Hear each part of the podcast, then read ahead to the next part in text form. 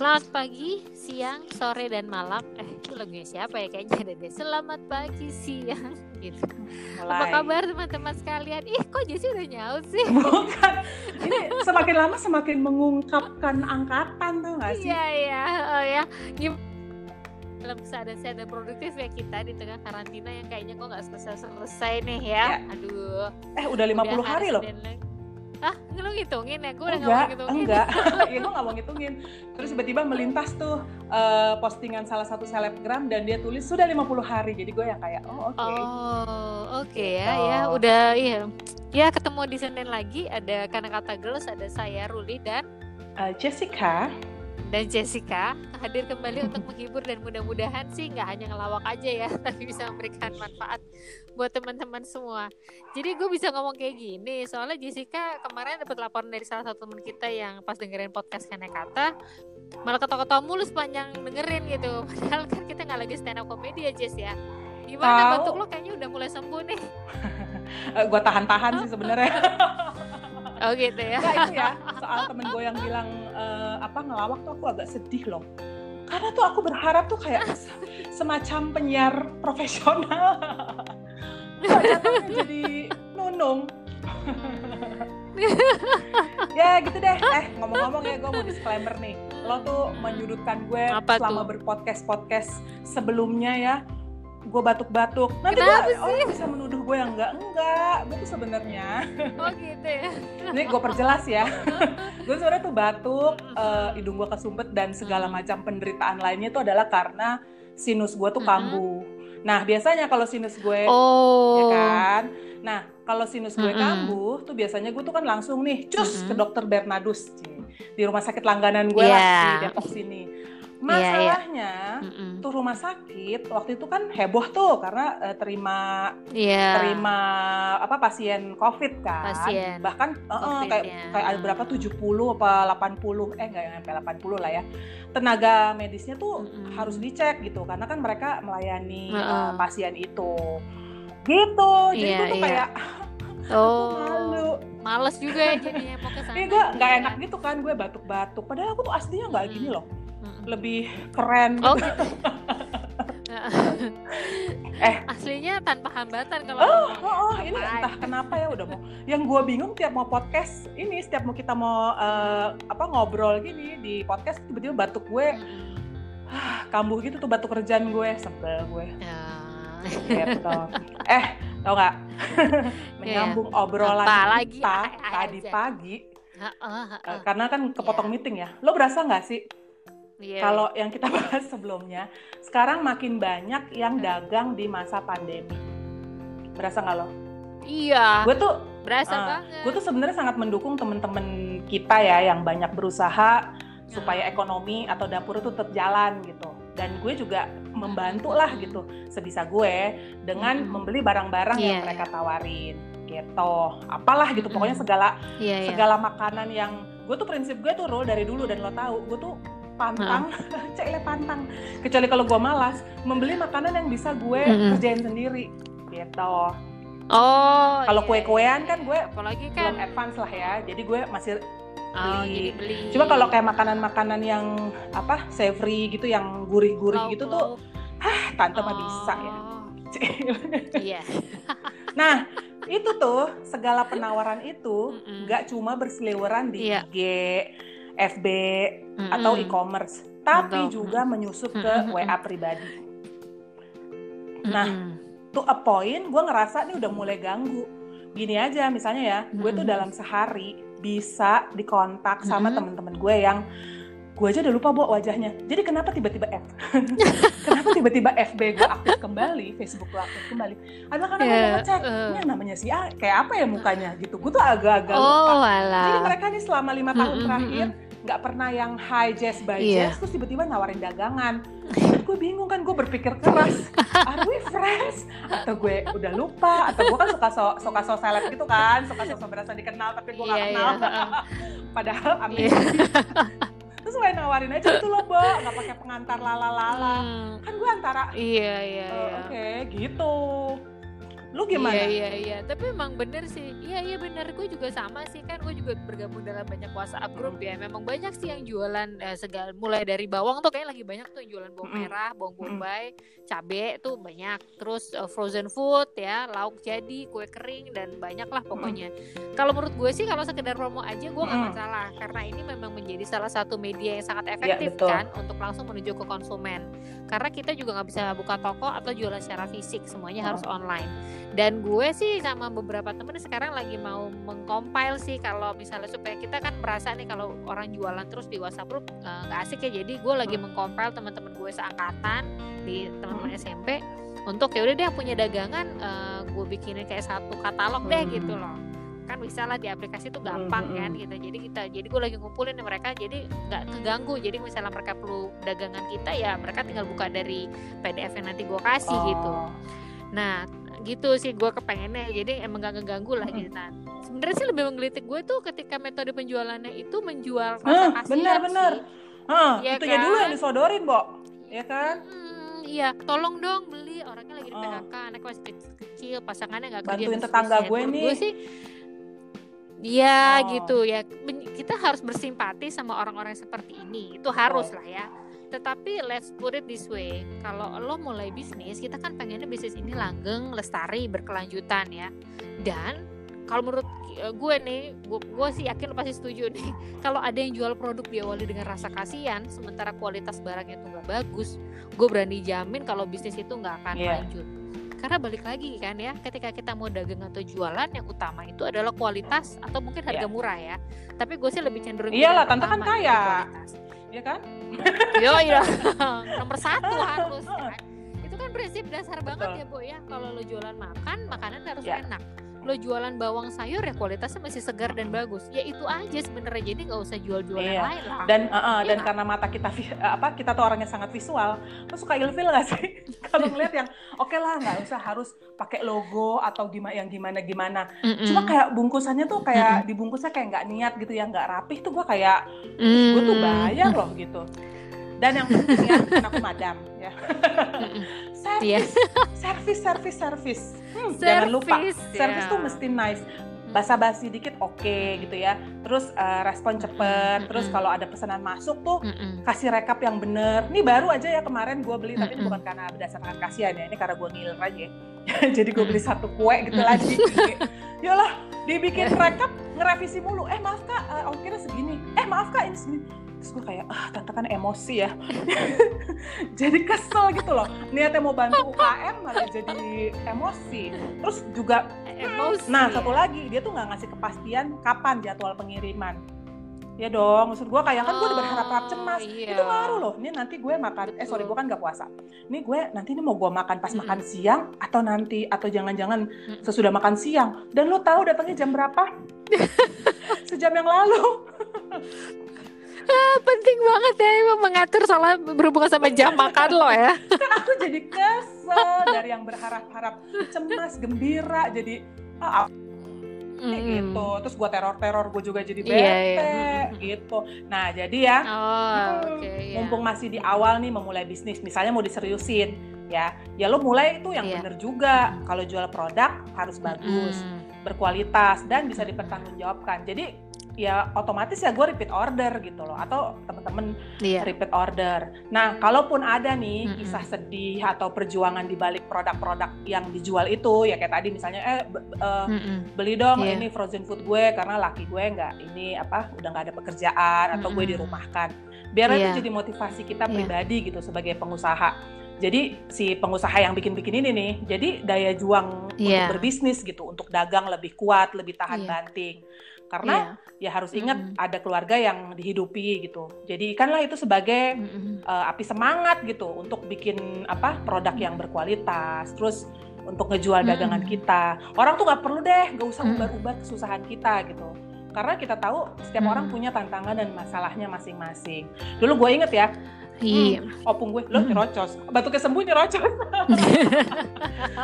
Dulu opung, opung gue nih, opung, opung gue tuh bilang begini, kalau lu susah, lu lu hidup, lu lu seneng, lo susah, lu biasa aja, jadi orang nggak akan nilai lo. Gitu. Terus pas gue pikir-pikir, ih bener juga ya. Gitu. Iya iya iya. Jadi gimana ya? Berarti memang harus mulai bisnis dengan kualitas yang bagus. Betul. Pasti orderan ulang akan datang dan datang lagi ya. Ayo semangat yang jualan. Pokoknya kita perbaiki lagi ya kalau masih mau jualan.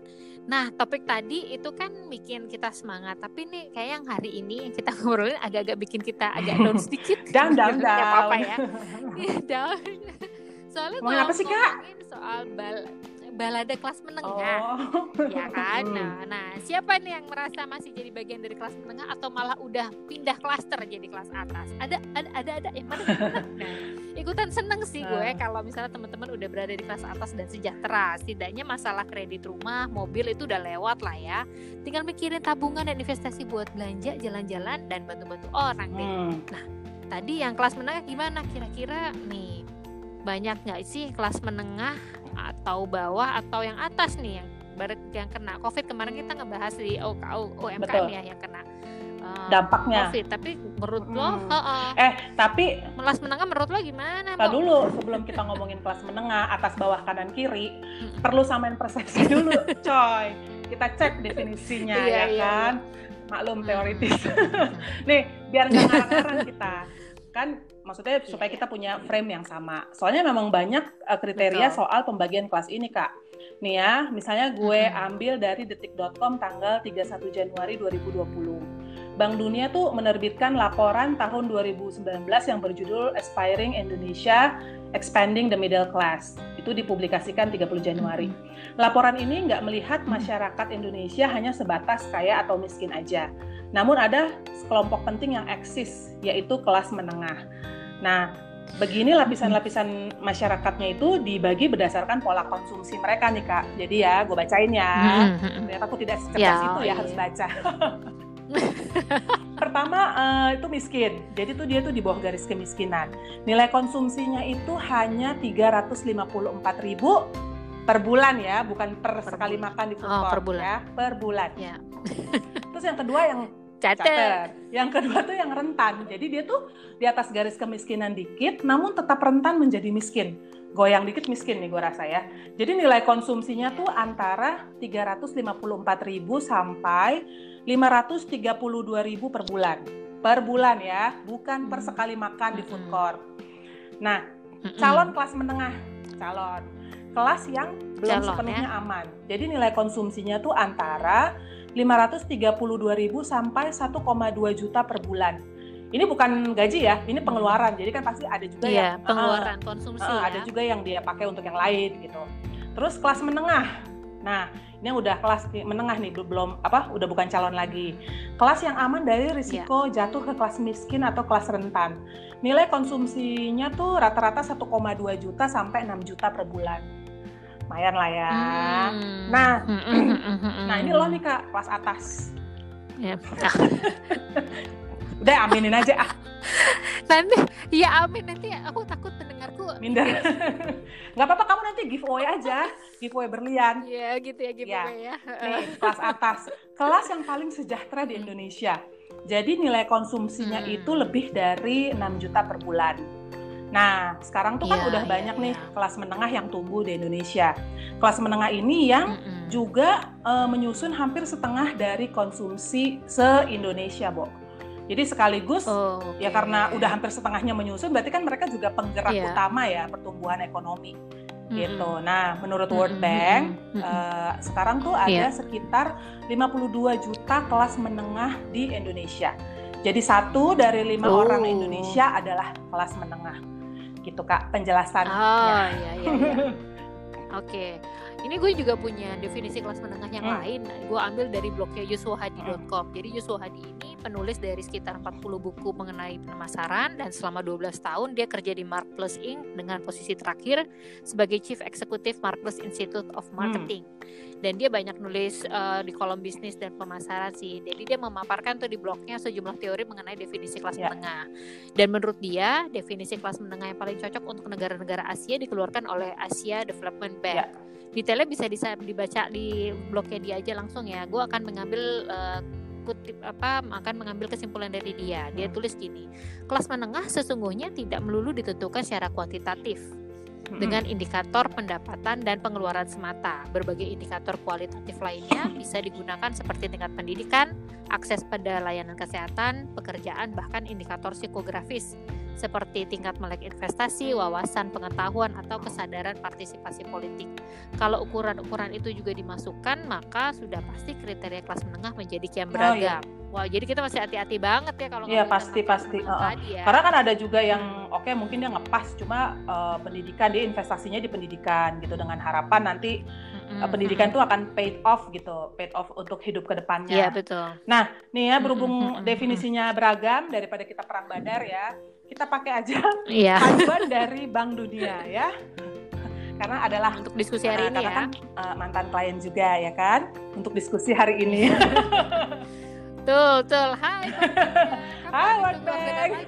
Mau ngapain nih 2020 uh, eh, paruh akhir? Oh, berasa didengar. Nih, lanjut ya. Berarti menurut Bank Dunia, satu di antara lima orang Indonesia menghabiskan duit 6 juta per bulan. Nah, uang sebesar itu dibelanjakan kelas menengah untuk jalan-jalan, membeli hal yang berkaitan dengan hiburan. Ini beda-beda ya. Ada yang hiburannya yeah, pas, yeah. ada yang make up, ada yang uh, macam-macam lah fashion atau makan yeah. gitu kali ya. Terus hingga membeli mobil. Nah kalau kita memantau oh, nih, okay. secara kita kan kepo ya kadang-kadang uh -uh. dari medsos yeah. teman-teman dan feeds mereka, ya kayaknya sih bisa dibilang uh -uh. hidup kelas menengah tuh cukup nyaman gitu loh. Lu ya gimana nggak, uh -uh. lu udah mapan uh -uh. lah, lu bisa jalan-jalan. Lu yeah. travelingnya bukan traveling Bandung lagi ya udah udah iya. traveling yang harus bawa baju tebal itu loh iya. bisa nyicil lu bisa nyicil mobil lu bisa Yoi. nyicil rumah lu punya investasi gitu mm -mm. hiduplah cukup uh, apa hidup mm -mm. cukup dengan pekerjaan dan gaji yang yang lumayan gitu nah iya iya karena apa urusannya dengan COVID-19 nih, kelas menengah ini juga hmm. yang kena hantaman cukup besar. Jadi kalau dari cita-cita temen gue, mereka uh, mereka yang tadinya mapan dengan gaji bulanan itu ternyata banyak yang dipotong, Bo. Jumlahnya tuh, iya, iya kan? Jumlahnya tuh bervariasi. -hmm. Ada yang ini kita bicara swasta ya. Kalau PNS gue nggak tahu, kayaknya sih nggak iya. dipotong yeah. ya kalau PNS ya. Yeah. Iya, iya. Nah, terus jumlahnya tuh bervariasi, Rul, antara 20% hmm. sampai 50%. Ada juga yang dibilang hmm. uh, dibikin hitungannya tuh jadi kayak uh, cuti di luar tanggungan. Jadi mereka tuh nggak mendapat hmm. gaji, cuma ya mereka ya tetap karyawan gitu tapi ya ya udah hmm. gitu jadi status ih kayak hubungan status yeah, doang yeah. Selama yeah, masih apa selama iya, masa yeah, pandemi ini nah kalau teman-teman sendiri gimana ada yang kena imbas atau gimana teman-teman lo Iya teman gue malah ada yang karena kerja di farmasi sih malah dapat gajinya full tuh hmm. masih karena farmasi masih tinggi ya. ya itu sih bersyukur banget lah kalau bisa gitu sektornya ya. mendukung ya dengan sih, kondisi yang kayak gini betul, farmasi terus betul. kayak uh, kesehatan food ya food ya. yang food yang sembako gitu oke okay beberapa ya? food nah. ya iya uh, beberapa ya tapi juga nggak nggak kayak resto gitu kan juga lagi kolaps kan gitu jadi beberapa lah ya ya jadi emang si kelas menengah ini yang tadinya bisa napas bisa jalan-jalan bisa nabung bisa kirim ke orang tua bisa cicil mobil sama rumah makin lama nih ya makin tercekik juga ya. Kalau pos keuangannya disiplin sih misalnya untuk tagihan rutin kayak listrik, belanja bulanan, air, uang sekolah anak dan segala cicilan nggak kepotong dari gaji itu aman. Misalnya nih ya, gaji kita 10 juta. Hmm. Pengeluaran rutin kita tuh 7 juta misalnya. Hmm. Sisanya nabung bisa kan 3 juta. Nah, kalau gaji dipotong 50%, duit lo tinggal 5 juta. Hmm pusing deh gimana cari nutupin yang 2 juta kan sementara pengeluaran rutinnya adalah 7 juta. Balik lagi kalau punya tabungan mungkin aman, tapi kalau dipakai terus kan bisa habis. Sementara kita sekarang nggak bisa nabung nih karena pengeluarannya segitu. Hmm. Eh, tapi ya bicara soal menengah makanya gue jadi inget nih ada penyanyi dangdut yang kepusingan juga nggak bisa bayar KPR sebulan 250 juta. Nih, siapa tuh? Bukan warga Depok kan? ini jadi gue ngerasa jadi bukan kelas menengah doang yang pusing bayar KPR nih. Hmm, iya benar-benar jadi ya kan kayak kelas menengah apalagi yang mbak-mbak itu aja pusing bayar hmm. KPR segitu gimana? Kelas menengah ya. Iya emang problem banget kalau lu kelas menengah lu merasa tadinya lu udah di posisi yang aman tiba-tiba lu kena PHK practically iya. lu nggak punya penghasilan tabungan besar oke deh selama mm -hmm. lo nabung lo eh, iya. reksadana yeah. saham gitu-gitu tapi kan yeah. ya nilainya yeah. juga lagi fluktuatif kalau kepake terus yeah. gak ada yang masuk ya pasti habis juga untuk waktu yang enggak Iya. kalau misalnya kita oh gue punya uang segini gue bisa deh bertahan sekian bulan gitu misalnya Iya, iya dari Ah, dana darurat kalau mungkin ketahuan mah enak punya nah kalau ini nggak ketahuan ya Mm-mm. selesainya kapan gitu Iya. sementara lo uh, Iya. apa bills lo tuh tetap jalan gitu tetap ada tagihan Betul. tetap ada biaya operasional lu makan sehari-hari kalau punya anak uang sekolah Hmm. terus kalau lo punya cicilan lo harus bayar cicilan walaupun sekarang ada relaksasi gitu ya.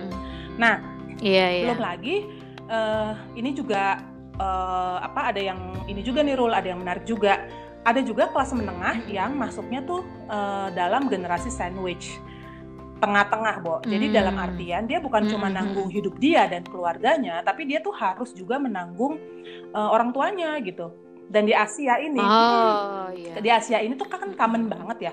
Lu kalau lu ya kan, Iya, lu lu sekarang Iya, lu benar. masih menanggung hidup orang tua lo gitu. Ini nggak cuma di Indonesia juga Mm-mm. ya, ah, maksudnya di Asia lah, di Iya. India atau di Korea gitu. Nah, Mm-mm. balik lagi ke soal kelas menengah yang tiba-tiba Iya. mendapat hajaran kayak begini, pemerintah kan nggak memberikan Mm-mm. bansos kepada mereka yang masuk kriteria ini gitu, yang kena PHK dengan Iya. gaji uh, UMR, pekerja harian. Sayangnya kan kaum menengah ini kayak mengap-mengap gitu loh, nggak dapat stimulus apa-apaan, ya nggak sih? Iya benar-benar. Kalau nggak salah sih bansos pemerintah menyasar ke 9 golongan ya.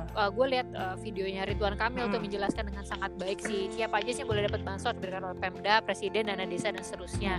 Dia sih uh, dalam video itu memastikan deh kalau warga warga tuh nggak akan kelaparan di Jawa Barat gitu. Tapi memang nggak menyinggung bantuan ke kelas menengah juga sih ya. Nah, gue baca nih di bbc.com uh, artikel tanggal 4 April 2020 Bima Yudhistira Adi Negara, peneliti di Institute for Development of Economics and Mhm. Finance, mengatakan bahwa dalam pandemi virus corona seperti sekarang, kelas menengah dan kelas rentan miskin atau mereka yang sedang menuju ke golongan menengah dari bawah rentan kembali jadi miskin Hmm. jika ada bencana alam atau penyakit kesehatan dengan skala luas seperti pandemi COVID-19 sekarang ini. Dan menurut Bank Dunia kan pandemi virus corona ini akan menambah jumlah penduduk miskin di kawasan Asia Timur dan Pasifik termasuk Indonesia dan jumlahnya tuh in total sekitar 11 juta orang. Oh. Iya sih pemerintah benar kata lo tadi kan memberikan keringanan cicilan berupa penurunan suku bunga, perpanjangan jangka waktu cicilan, pengurangan tunggangan pokok, pengurangan tunggangan bunga dan seterusnya gitu ya. Tetapi kan juga awalnya itu kan ditujukan untuk pekerja informal harian Hmm. dan terus udah pasti harus ada prosedur yang mesti dijalani dan gak mungkin juga hari itu langsung disetujui langsung eh, kreditnya langsung kasih longgar gitu kan Mm-mm. enggak jadi emang balik lagi nih kelas menengah emang lagi bener-bener kejepit sana sini nih Jess. Iya, padahal tuh penyangga ya, namanya juga di tengah. Lo iya tuh menyangga, ya lu bisa Dan- kejepit eh, atas bawah Iya. gitu. Lo dinilai bisa Iya, mandiri benar. dan bertahan. Padahal ya lo Mm-mm. setengah mati berjuangnya gitu. Lo ya lo Mm-mm. kayak bersyukur ya masih punya pendapatan gitu. Tapi ya memang beneran Iya. mesti ngeceng- ngencengin ikat pinggang gitu karena emang harus berhitung dengan sangat cermat gitu supaya kita nggak punya utang baru. Survival mode-nya tuh Iya. mesti di switch on gitu. Kalau lo mengharapkan bansos dari pemerintah ya kayaknya sih nggak dapet ya. Lu iya lu ngarep bantuan ini eh, mohon maaf itu sepatunya branded nih sis. Ya kan gitu. Mungkin kalau Ya, orang-orang kelas menengah ini diharapkan adalah jual pre-love dulu kali ya. Ya oh, kayaknya tuh. Terus yang mau beli siapa juga? Yang yang belum bergerak menuju ke bawah. Hmm. oh iya iya iya. Yang masih anteng mau akan pindah klaster lagi ya. Iya. Ya nah kalau misalnya oke lah gue Iya. sih be- berbesar hati ya maksudnya untuk untuk Mm-mm. untuk memberikan ke- kesempatan itu pada yang benar-benar jauh lebih membutuhkan gitu. Tapi kalau misalnya ada Betul. kebijakan pemerintah yang gue pengen banget tuh bisa diaplikasikan ya ke kelas menengah Iya. atau kelas-kelas kayak kita ini, itu sih iya iya ya iya. itu diskon bayar listrik dan air. Secara ya kita kan Mm-mm. sekarang tuh bener-bener semua di rumah. Yang lu tadinya nggak pakai oven sekarang oven jalan terus ya kan? iya yang lu iya nyalain internet juga internet, ya lo yang nyalain AC biasa Iya, malam listrik malam ya, doang betul. terus sekarang lu siang-siang jadi pasang secara panas banget panas. ya kan nah itu kan lu nggak pernah Kan menyadari terbiasa pakai AC iya lo kan kayak lu selama ini dulu Beda. keluar rumah kan lu nggak tahu di rumah lo tuh gile panas banget Iya. gitu nah kalau soal sembako Iya, ya gua rasa ya maksudnya nggak bukan mau bertinggi atau atau gimana tapi masih masih stabil dan masih bisa kebeli untuk ukuran eh, kelas menengah gitulah rumah tangga ya Ah, Ah, benar, ya kalau bisa ya tetap stabil ya sampai lebaran ya please. yo yo. Nih, Tolong dengarkan. hmm, nah kalau gue sih ya, sebenarnya gue sih nggak ada yang terlalu ber- berubah gimana ya. Kalau gue sih eh, cara bertahan ya seperti dulu biasanya aja gitu. Yang jelas ya ekstra berjaga-jaga gitu. Gue tuh nggak jajan nggak jajan-jajan banyak lah. Terus gue nggak pernah ngelirik yang promo-promo gitu-gitu. Irit apa yang bisa diirit? Kalau Apa nggak jajan? Lo barusan beli kue kan dulu, tadi? denger dulu. Oh gitu ya. Irit apa yang Oh, bisa iya. diirit? Masak yang gue dan gue Oh, kan gue udah bilang gue nggak beli yang uh, Oh. gue bisa bikin sendiri. Ih, ini kan Oh Cinnamon iya iya iya pakai iya iya iya. cheese. Ya, aku harus Oh, beli lah. Aku belum sampai situ ilmunya, ya kan? Bantet ya, gue cinnamon roll juga masih bantet tuh. Enggak, ini orang lain yang bikin. Gue beli cinnamon roll. Oh gitu. Ya pokoknya yang manis-manis deh ya. Kalau yang asin-asin mah, Iya, iya, ya iya. ampun, udah bisa. Bisa pakai bumbu dasar dong. bumbu dasar ya. Eh, Kapan-kapan kita ini share resep bumbu dasar Jessica yang happening itu.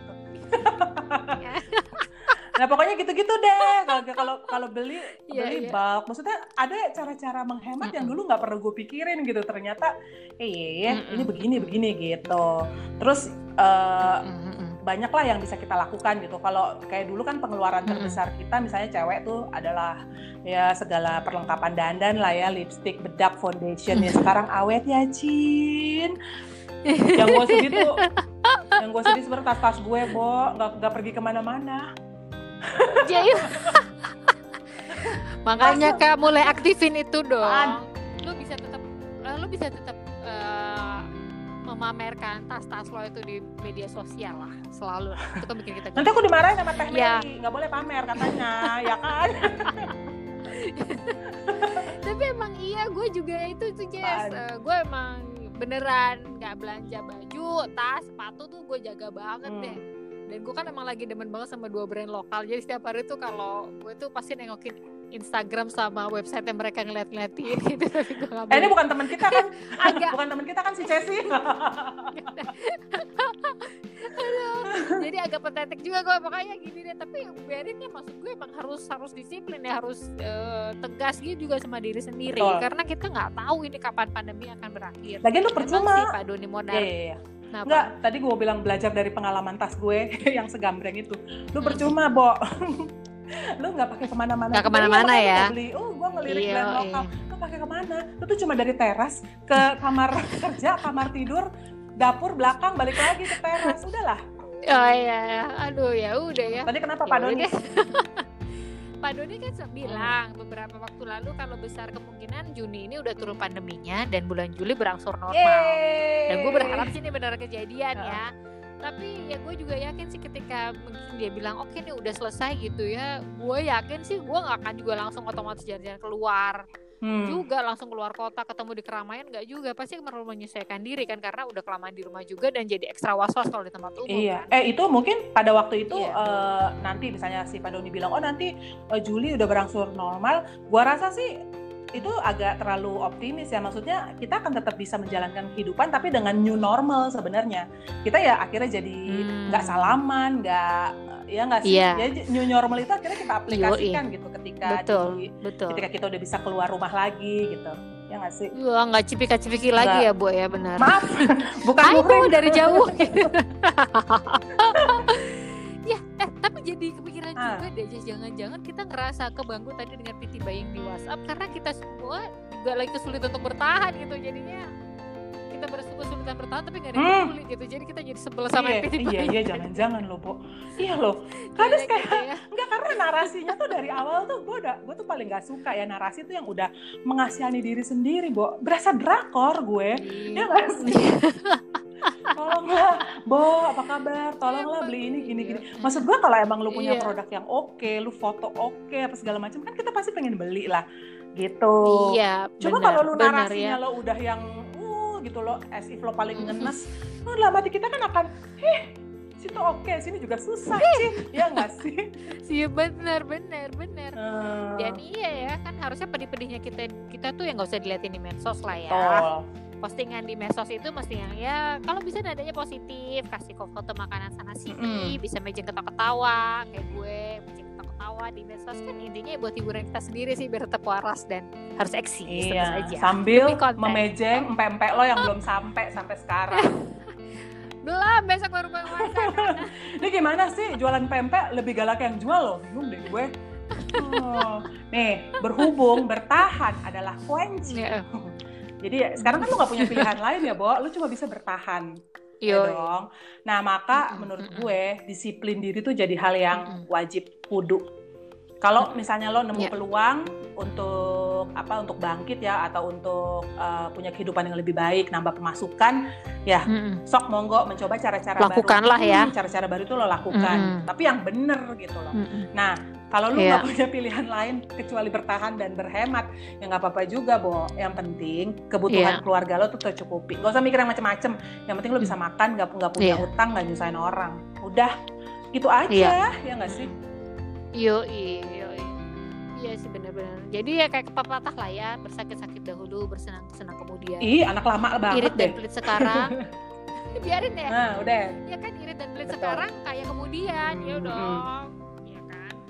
Kalau donasi gimana tuh Jess kalau lo ngaturnya? Kok- Eh, kan soalnya sekarang banyak Ya. banget kan eh, tawaran-tawaran untuk berdonasi baik dari teman kita sendiri juga, dari teman mungkin teman sekolah, terus dari organisasi-organisasi lain. Kalau lo sendiri gimana? Kalau gue sih donasi itu gitu. adalah uh, kita nggak bisa uh, pa- uh, paksain orang untuk donasi atau enggak atau kita juga nggak bisa, eh lo nggak boleh Hmm. donasi lo kan lagi susah nggak bisa. Tapi kalau donasi itu Iya. ya uh, itu kan berhubungan sama hati nurani lo ya gitu.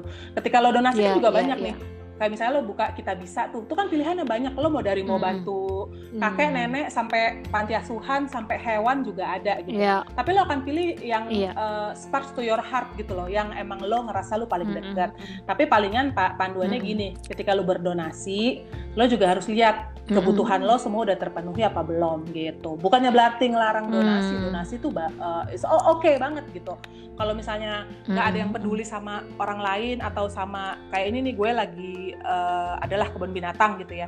Itu kan juga kesusahan tuh untuk ngasih makan he- hewan gitu. Karena Iya, kan kita iya, kan betul. antroposentris gitu. Masih berpikir tentang uh, Hmm. kepentingan manusia. Boro-boro mikirin hewan. Mm-mm. nah gue berpikir Mm-mm. kayaknya gue lebih dekat ke situ. Ya udah gue akan donasi ke situ. Tapi ya memang dengan kekuatan Mm. yang gue bisa di saat ini di musim ini. Gitu. Juga gue nggak maksa-maksa yang kayak hih lihat aku sumbang. Gitu enggak lagian pantang kali ya sih? Lo, lo donasi terus orang-orang orang tuh Iya. tahu tangan apa eh apa sih tangan kiri apa tangan kanan sih yang lihat kalau lo ngasih tangan kanan tangan kiri jangan lihat. Eh tangan kiri kepo juga ya. Di tangan kiri lah yang ngeliat gimana? Masa kasih tangan kanan tangan kanan lihat ya kayak gini-gini harus nanya sama orang tua ya kan? Oh gitu. Ya ya ya deh. itulah pokoknya Jessica ini loh kan. ya pokoknya gitulah kalau lo kasih donasi kalau itu memang menginikan hati nurani lo uh, apa mengetuk hati lo ya just do it gitu karena uh, nggak nggak ada larangan dan it's it's a good thing gitu kalau lu sh- uh, care sama orang atau hewan it's a good thing ya cuma cara memanagenya Iya. adalah lu make sure lu nggak merugikan siapa-siapa dalam arti ya diri lo juga gitu jangan Iya. sampai lo uh, donasi tapi lu nggak nggak makan atau lo kekurangan atau anak lo jadi terbengkalai. Gitu jangan begitu. Iyo, iya. Jadi memang kelas menengah tantangannya banyak banyak Heeh. ya. Banyak banget kegencet sana sini tetap harus bertahan eh, karena juga mungkin dianggap kaya juga sama kelas Iya. di bawahnya gitu. Jadi memang kita ya memang gini ya. Makanya ada istilah kelas menengah kayak gitu kali ya. jadi udah udah Jadi gua baru belajar kaya sekalian gitu. ya. itu jangan-jangan yang ngehe-ngehe tuh yang kemarin pulang kampung tuh ngumpet di truk bukan ya Jangan-jangan deh. Jadi yang jualan tetap gaspol ya dengan cara yang kece dan Ya. elegan. Eh, jangan jual kisah sedih karena kita setiap kita itu lagi prihatin. betul Kelas menengah, mari bertahan. We're in this together ya. Dan yang terpenting adalah tetap produktif, sharing yang positif dan jangan mudah berita, eh, jangan mudah percaya pada berita Eh? fiktif. Garing nggak itu rhyme-nya? rhyming loh Rhyming Anda. ya, pakai if if if if ya membuktikan kalau lulusan anak Iya, oke Ya wes kalau Ya. begitu ya di hari Senin ini sampai kita ketemu di Selasa Eh, depan. Senin depan lah. Masih, masih seputar. Eh iya Senin Senin depan Hmm. Senin depan. Senin depan lah ya udah pada kangen ya soalnya. kita kayak Dufan eh Dufan kan Senin tutup ya iya, kita enggak. Eh, biasanya juga eh, beberapa apa restoran atau apa gitu juga sih Pesugihan. pesugihan Senin tutup apaan sih ya udah makin jadi konteks sih. ngelebar ngelebar ke mana-mana sih. Oke. ya sampai ketemu Ya. lagi ya Bye. Yo, dadah dan Jessica pamit